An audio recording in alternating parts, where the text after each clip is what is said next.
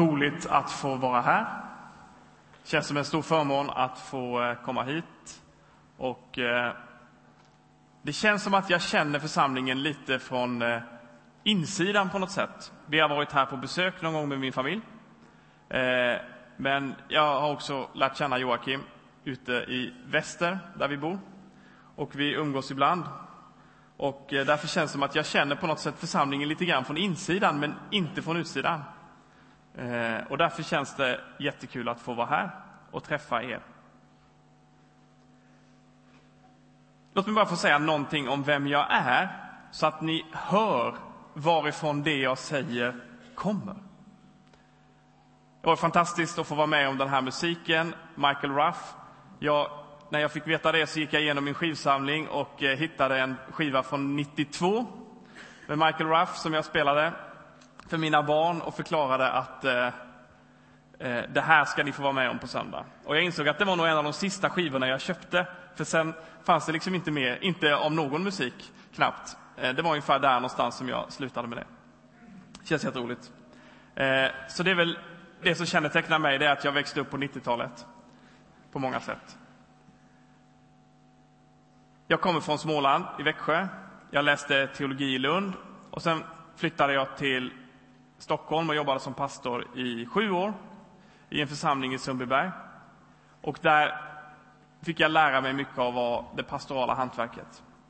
Och sen för ungefär fyra år sedan så hamnade jag här i Göteborg. Fick en förfrågan att komma till Fiskebäck och eh, bli pastor där. Och jag kände att det var en spännande utmaning som jag inte ville tacka nej till. Och Michael berättade ju om sitt vittnesbörd, att sin berättelse. Och jag skulle vilja säga att min berättelse ser väl ungefär ut så här, att jag har kommit till tro åtminstone tre gånger. Så tänker jag på mitt liv. Först kom jag till tro när jag var någonstans i uppväxten, när jag var rätt så liten. Mina föräldrar tog med mig till kyrkan och jag har alltid tyckt att det har varit någonting självklart. Kanske inte enkelt, men det var någonting självklart. Och eh, vi växte upp i en relativt liten församling och I Småland kan det vara så att antingen så bor man i Jönköpingsområdet, där nästan alla går i kyrkan, eller så bor man i de mörka delarna i Småland, där det bara finns sten på åkrarna och där ingen går i kyrkan. Och där bodde jag. Och jag minns tydligt när jag gick på högstadiet att jag tror att vi var två stycken av 400 som jag kände till, som, hade en, som gick i kyrkan som kallade sig för kristna. Och Det var liksom det som var min uppväxt.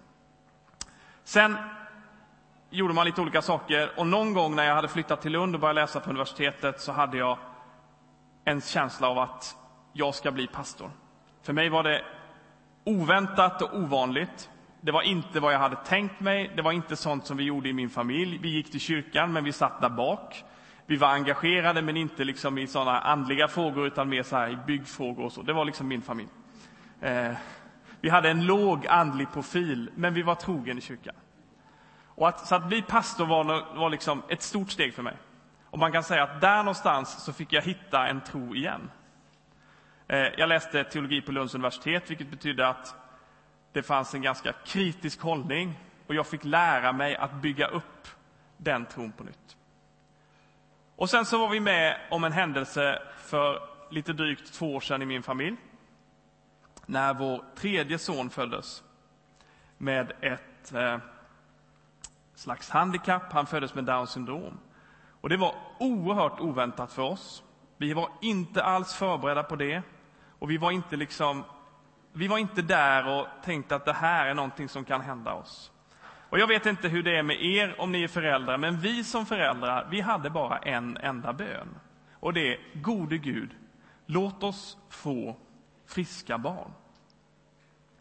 Det var vår enda bön. Och så hände detta. Och då är det som att allt det som man har tänkt och trott innan, det rycks undan.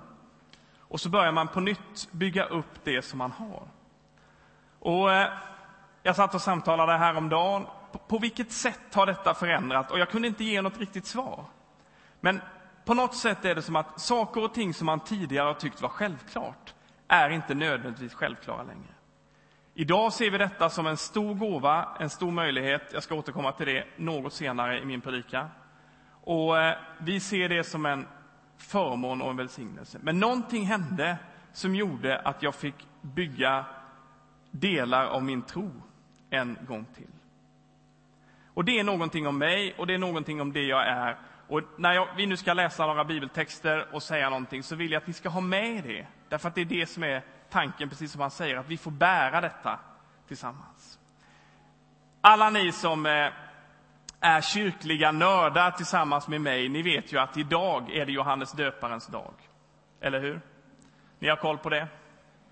Och hur vet man att det är Johannes döparens dag idag?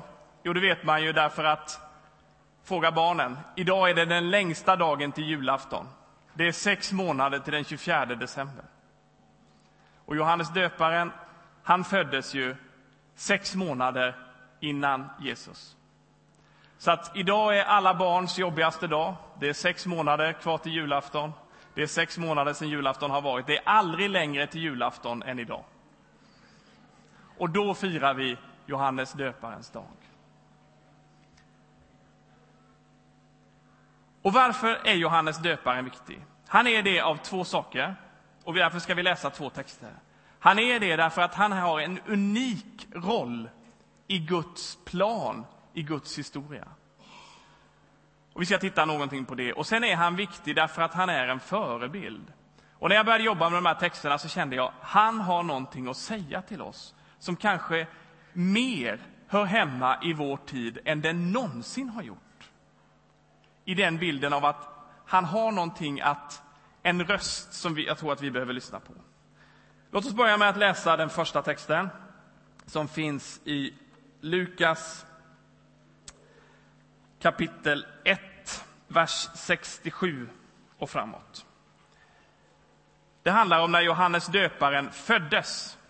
Så fick hans pappa, som var präst i templet, en vision, en bild, han fick en bön. Han upplevde att han skulle säga någonting. Och den här bönen handlade om hans son som skulle födas. Och han, eh, det finns på sidan 724, ja det står där till och med. Och han ber den här bönen. Och om man till exempel finns med i eh, sådana traditioner som man ber morgonbön varje dag. Det finns ju små appar man kan tanka ner på sin iPhone. Tidegärden. Eh, då läser man den här bönen varje morgon som en del av den tidebönstraditionen. Och eh, sen jag bodde i kloster, strax innan jag gifte mig, så eh, har jag varit en del av den traditionen. Och vi läser, kan vi inte göra så att vi står upp och så läser vi tillsammans högt, för det här är liksom en bön, det här är inte en information, det här är en bön. Vi läser från i 67 står det ju så här, hans far Sakarias fylldes av helig ande och talade profetiska ord. Och så läser vi högt tillsammans. Välsignad är Herren, Israels Gud, som besöker sitt folk och ger det frihet. Han reser för oss frälsningens horn i sin tjänare Davids släkt, så som han för länge sedan lovat, genom sina heliga profeter. Frälsning från våra fiender och alla som hatar oss. Han visar barmhärtighet mot våra fäder och står fast vid sitt heliga förbund, den ed han svor vår fader Abraham, att rycka oss ur våra fienders hand och låta oss tjäna honom utan fruktan, rena och rättfärdiga inför honom i alla våra dagar. Och du, mitt barn, ska kallas den Högstes profet, ty du ska gå före Herren och bana väg för honom. Så skall hans folk få veta att frälsningen är här, med förlåtelse för deras synder genom vår Guds barmhärtighet och mildhet. Han ska komma ner till oss från höjden, en soluppgång för dem som är i mörkret och i dödens skugga och styra våra fötter in på fredens väg. Och så står det bara så här, pojken växte och blev stark i anden. Han vistades i öde trakter till den dag då han skulle träda fram inför Israel. Varsågoda och sitt.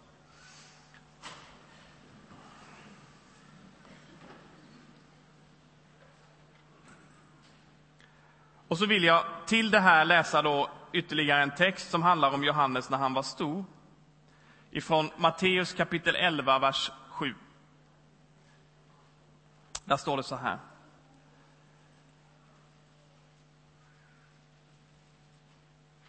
Jag har ju fuskat och lagt en lapp, så det går ju lite fortare för mig att bläddra. Sidan 686.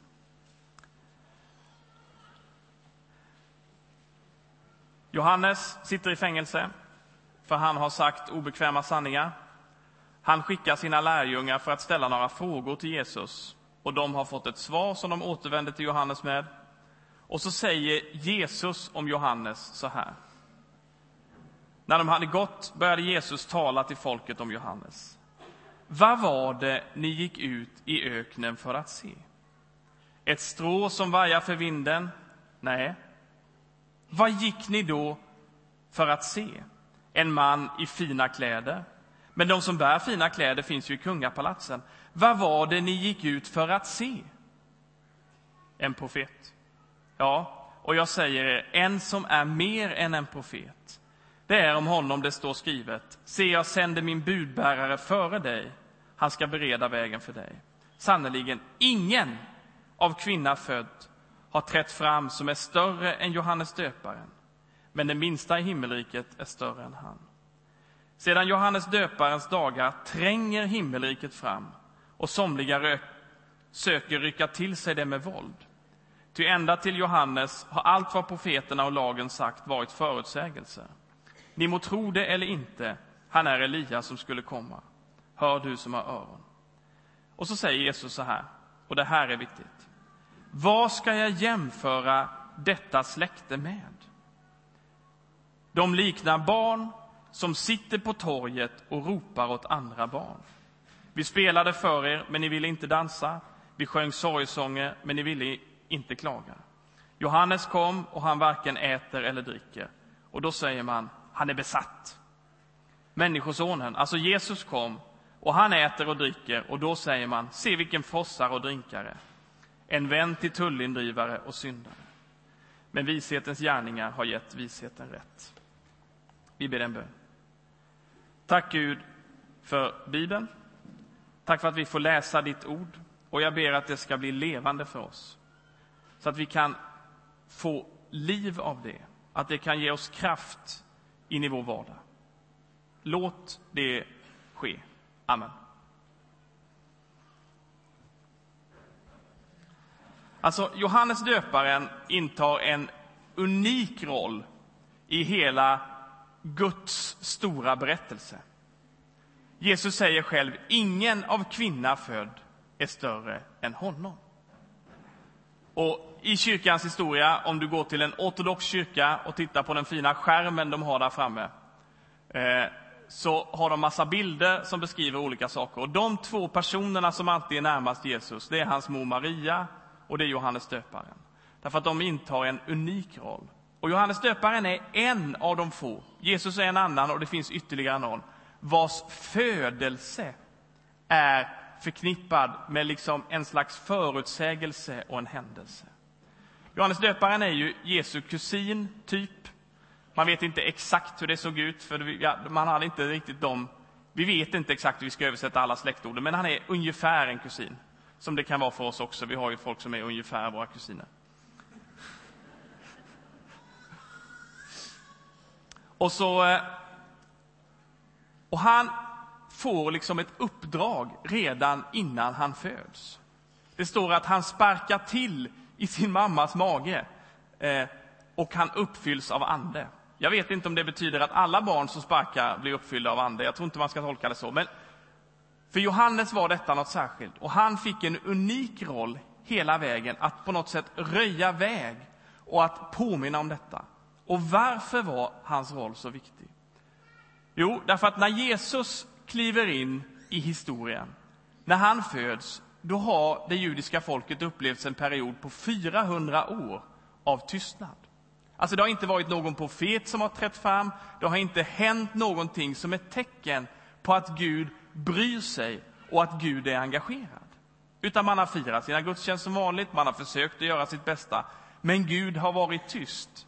Inte som för oss, i 40 minuter eller fyra år, utan i 400 år har man känt att Gud inte har haft någonting att säga. Och därför frågade man, är det liksom Det var en tuff tid.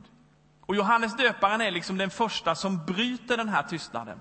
Han är den som gör det möjligt för Jesus att komma. Han blir, kallas för en vägröjare och en sån person. Och han lever ju ett väldigt speciellt och annorlunda liv. Han är inte en del av samhället. Han bosätter sig ute i öknen. Vi läser att han hade annorlunda, annat sätt att klä sig. Han åt annorlunda mat. Han var som vilken innerstadsgöteborgare som helst.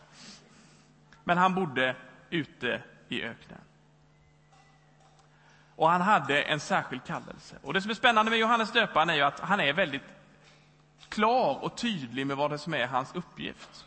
När han som vuxen för första gången möter Jesus så säger han direkt, där är han som jag har talat om. Alltså han är oerhört tydlig med vad det är som är hans uppdrag. Och vi återkommer till det lite senare. Så Johannes döparen är en livsviktig roll. Och man kan säga att han, står, han är den länken som binder samman Gamla testamentet och det sättet att vara med Nya testamentet. Han är liksom den som står med en fot i varje tradition. Och han binder samman det som Jesus står för och det som har varit i det gamla förbundet, det gamla testamentet. Och han är den som binder ihop och på, liksom håller ihop det här så att det blir till en enhet.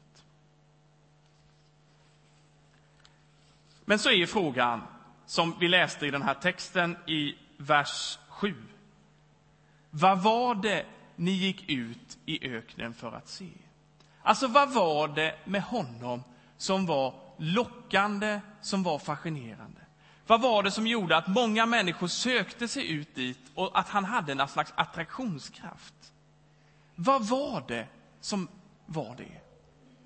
Och så använde Jesus några sköna bilder. Han sa, var det ett strå som vajar för vinden? Alltså, var det en person som liksom gjorde lite det som gällde? Nej, det var det ju inte.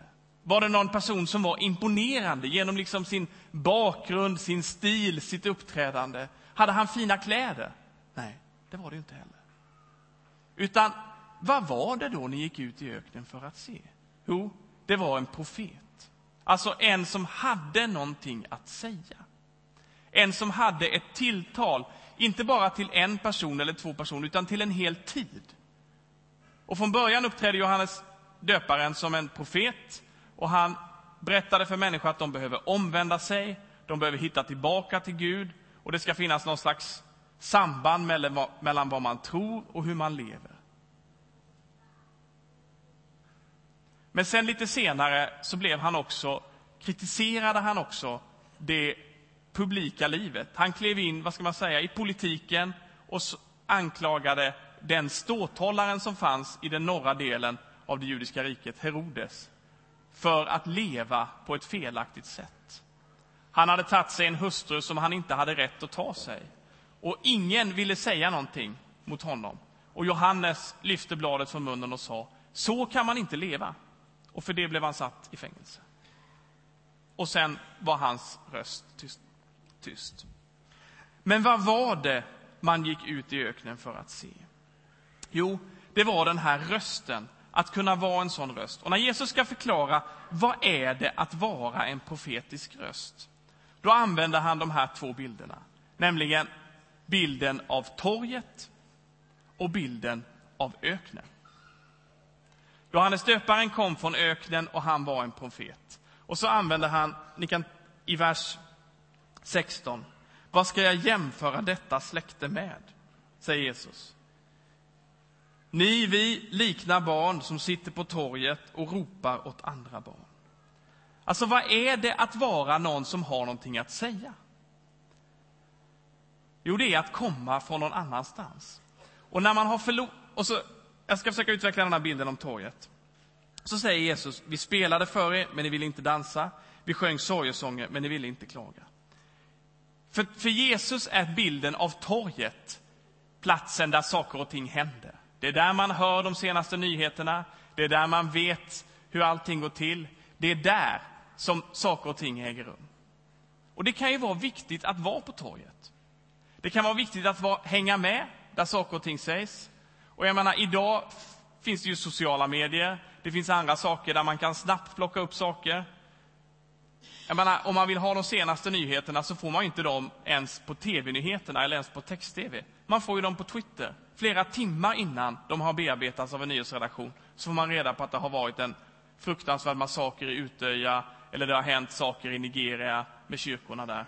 Alltså, på det torget, där får man reda på allting som händer. Men Jesus säger så här, om du bara befinner dig där så har du ingen röst. Om du bara är på torget, då är du som barn som sitter och ropar till varandra.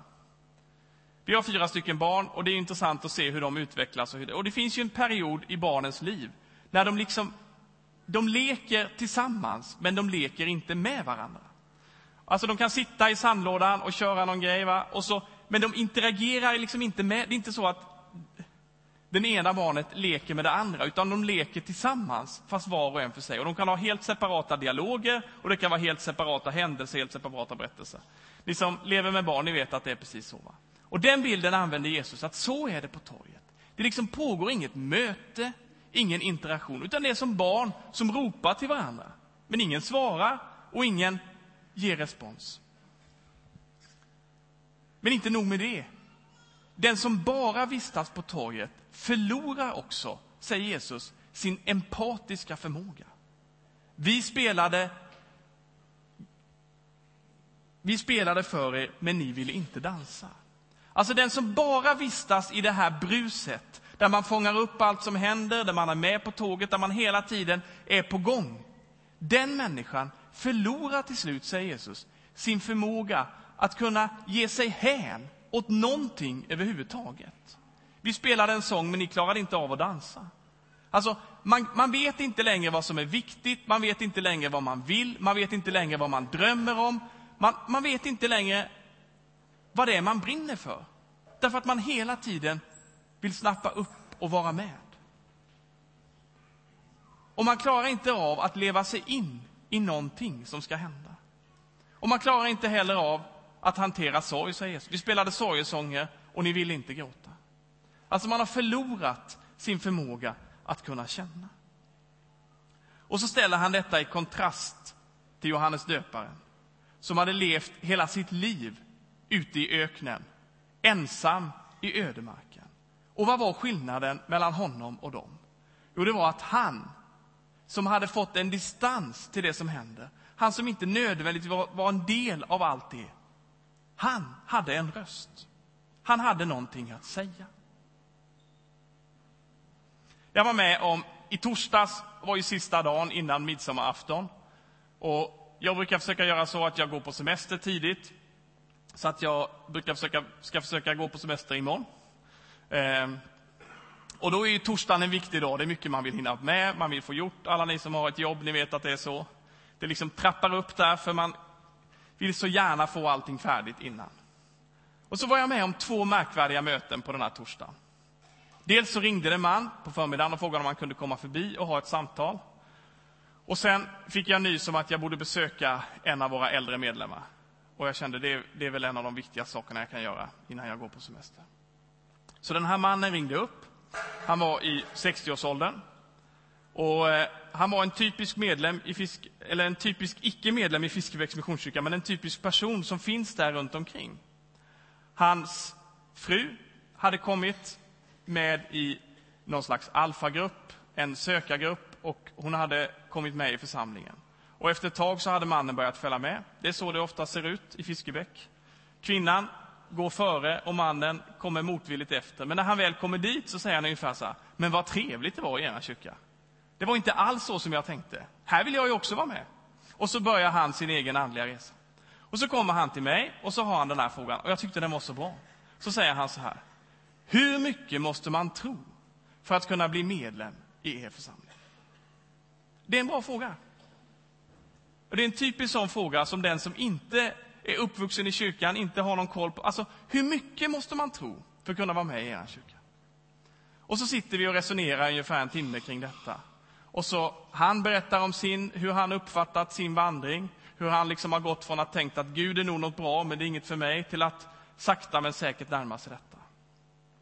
Och så säger jag ungefär så här att jag tror att man kan säga så här att det är en skillnad på att tro att Gud bara finns och att kliva fram och säga att jag vill ha kontakt med Gud. Jag vill ha gemenskap med Gud. Och så resonerade vi om den skillnaden mellan att, skillnaden mellan att bara säga att Gud finns och säga att jag vill ha kontakt med Gud. Och så satt vi där och sa, jag kommer ihåg, berättade han, att en gång på alfakursen så gav du en liknelse ifrån Jesus om att hjärtat hade en dörr och att den kunde bara öppnas inifrån. Ja, det tror jag gjorde. Det ingår i alfa-föredrag nummer tre, tror jag. Att man kan öppna dörren inifrån. Och så, sa, och så frågade jag, men har du öppnat dörren? Ja, det har jag gjort. Men jag vet inte om han har kommit in. Och så sa jag, det är inte frågan. Därför att att tro, det är att öppna dörren och så säga, har jag öppnat dörren, då kommer Gud in. Då kommer Jesus in.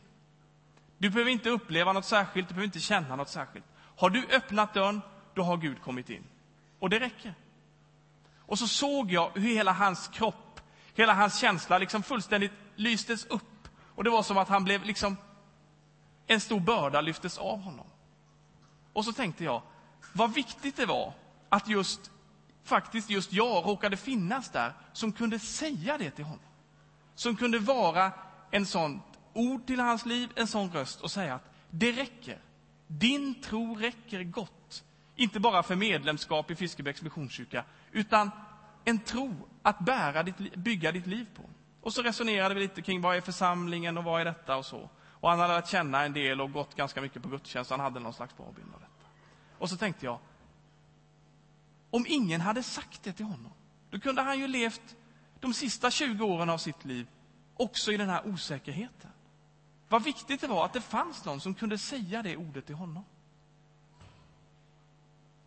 Senare, några timmar senare får jag ett liknande möte, men som ändå är tvärtom.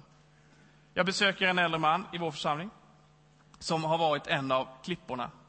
En typisk Fiskebäcksbo på något sätt, har jobbat med sjön och den typen av saker hela sitt liv. En stabil, stor, stark, trygg person. Och så har han genomgått någon slags stroke i flera omgångar, så han är ganska skröplig rent kroppsligt.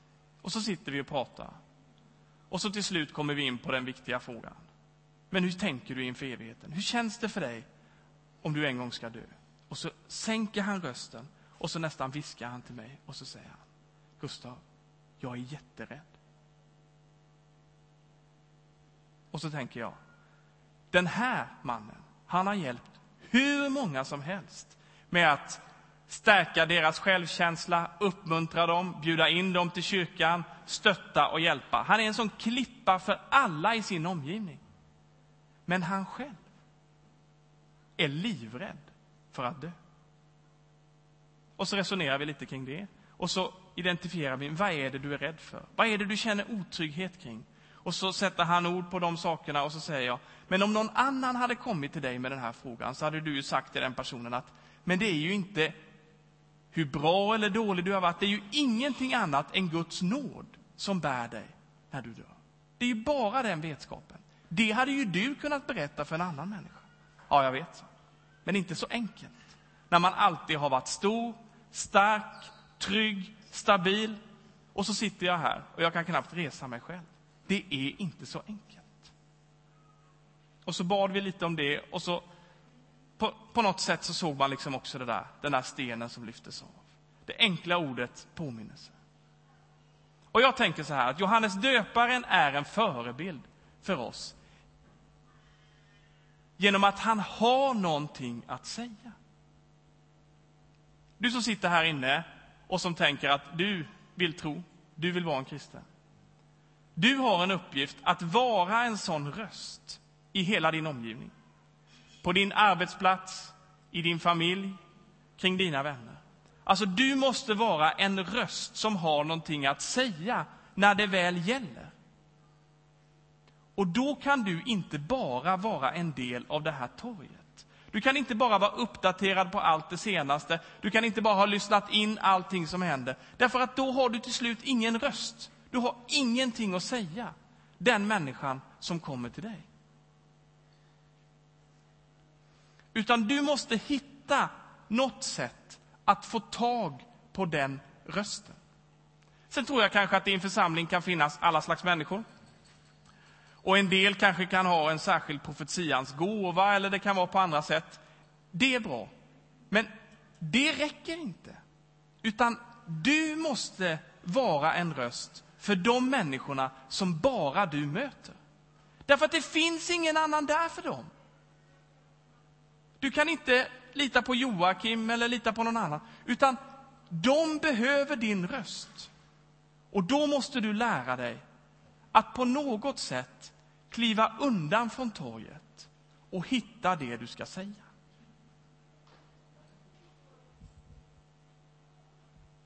Är ni med? Är det begripligt?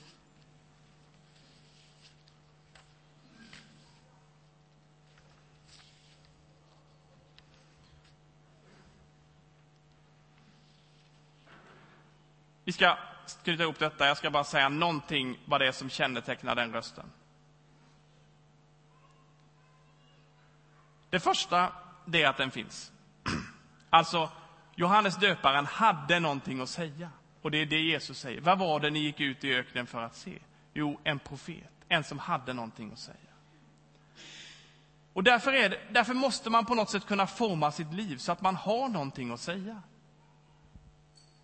Det andra är att i Johannes döparens liv så finns det ingen problematik mellan att vara tydlig och vara osäker.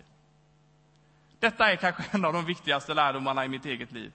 Alltså, när jag är pastor så förväntar sig så kan jag känna att jag kämpar ganska mycket med min egen osäkerhet kring många frågor.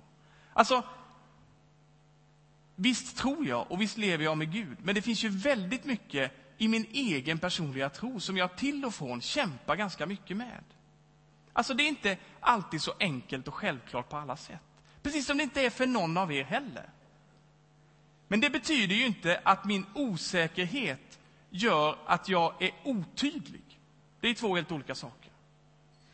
Därför att, jag menar, vad är alternativet? Att Gud inte skulle finnas? Ja, men det är ju ännu mer osannolikt. Det är ju fullständigt hopplöst. Det går ju inte alls. Det är mycket svårare. Det föder ju många mer tvivel än det andra.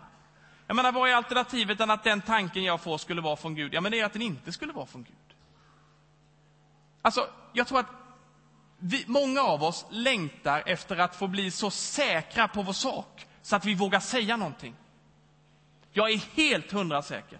Min känsla är att inte ens Johannes döparen, som skickar sina lärjungar till Jesus för att fråga är du verkligen den som jag har profeterat om, inte ens han var så säker på sin sak. Trots det var han supertydlig. Så det kommer aldrig att hända i ditt liv. Du kommer aldrig att bli så säker på din sak så att du får någonting att säga. Du får säga det ändå.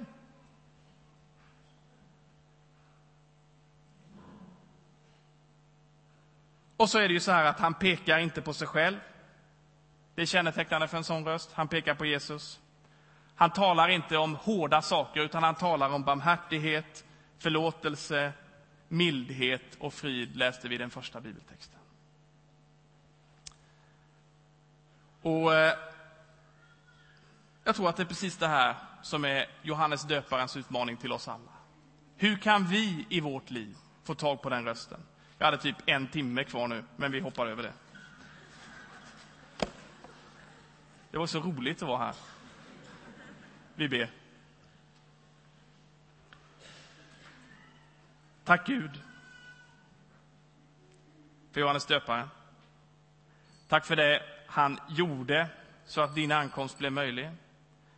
Men hjälp oss också, vi som lever här, vi som sitter här inne, vi som ska gå till vår skola, vårt jobb, vår semester, våra sysslor, vad det nu är imorgon. Hjälp oss att hitta en sån röst. Hjälp oss att våga säga det som ingen annan säger. Hjälp oss att våga kliva åt sidan ifrån bruset.